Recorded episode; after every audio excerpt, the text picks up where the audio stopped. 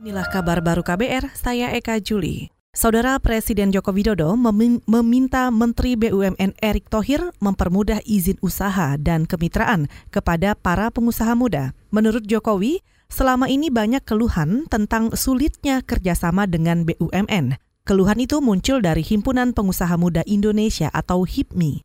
Karena itu, Jokowi menegaskan BUMN harus melibatkan usaha menengah supaya bisa membantu kemajuan perekonomian Indonesia. Mengenai keluhan-keluhan yang sering disampaikan kepada saya dari IGMI sejak saya memangku sebagai presiden yaitu yang berkaitan dengan kemitraan. Baik itu kemitraan pengusaha muda dengan BUMN maupun dengan investor. Sekarang sudah saya jawab. Menterinya BUMN adalah dari keluarga besar ini. Saya sudah titip Pak Erick Thohir. Jangan sampai pekerjaan-pekerjaan yang ada di BUMN itu semuanya dikerjakan oleh BUMN sendiri. Presiden Jokowi juga berharap kerjasama antara pengusaha muda dengan BUMN bisa membuat usaha-usaha menengah tumbuh menjadi semakin besar sehingga akhirnya bisa mengangkat taraf sosial para pekerjanya.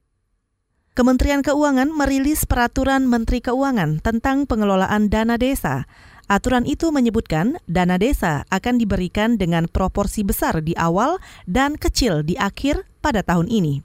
Dirjen Perimbangan Keuangan Kementerian Keuangan Astera Primanto Bakti mengatakan, dengan skema dana desa 40 persen tahap pertama dan kedua, kemudian 20 persen tahap ketiga, diharapkan bisa mengurangi kesenjangan antar desa. Harapannya dengan ini yang namanya kesenjangan antar desa, kemudian juga keberhasilan dari desa ini akan bisa lebih terjamin karena adanya alokasi yang lebih sesuai. Walaupun kita juga tahu bahwa di dalam alokasi dana desa ini, desa yang semakin di belakang itu memang alokasinya ini lebih besar dibandingkan desa yang lebih maju atau yang lebih mandiri.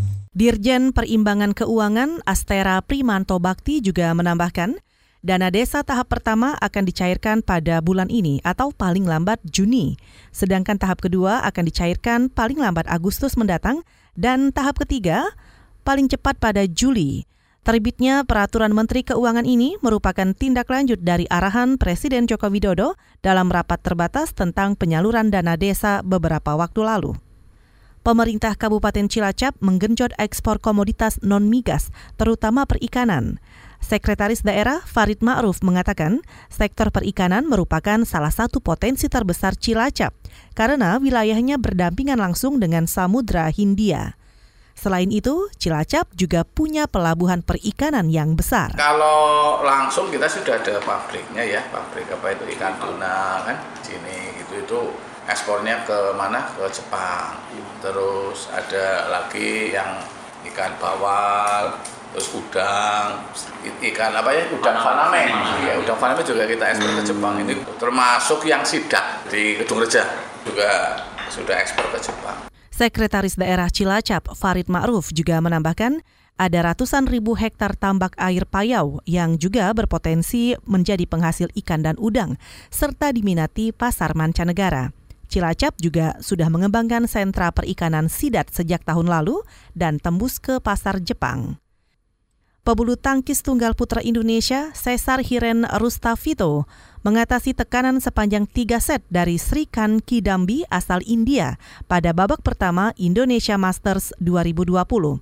Vito sukses lolos ke babak kedua. Pada pertandingan yang berlangsung di Istora Gelora Bung Karno Senayan, Jakarta hari ini, Vito mengawali laganya dengan tertinggal di set pertama. Vito tak bisa mengimbangi Srikan yang langsung bermain dengan tempo cepat. Tetapi pada set kedua dan ketiga, Vito yang sejak awal memakai pola menyerang tetap mempertahankan gaya permainannya dan justru bermain lebih agresif untuk menambah angka dari Srikan.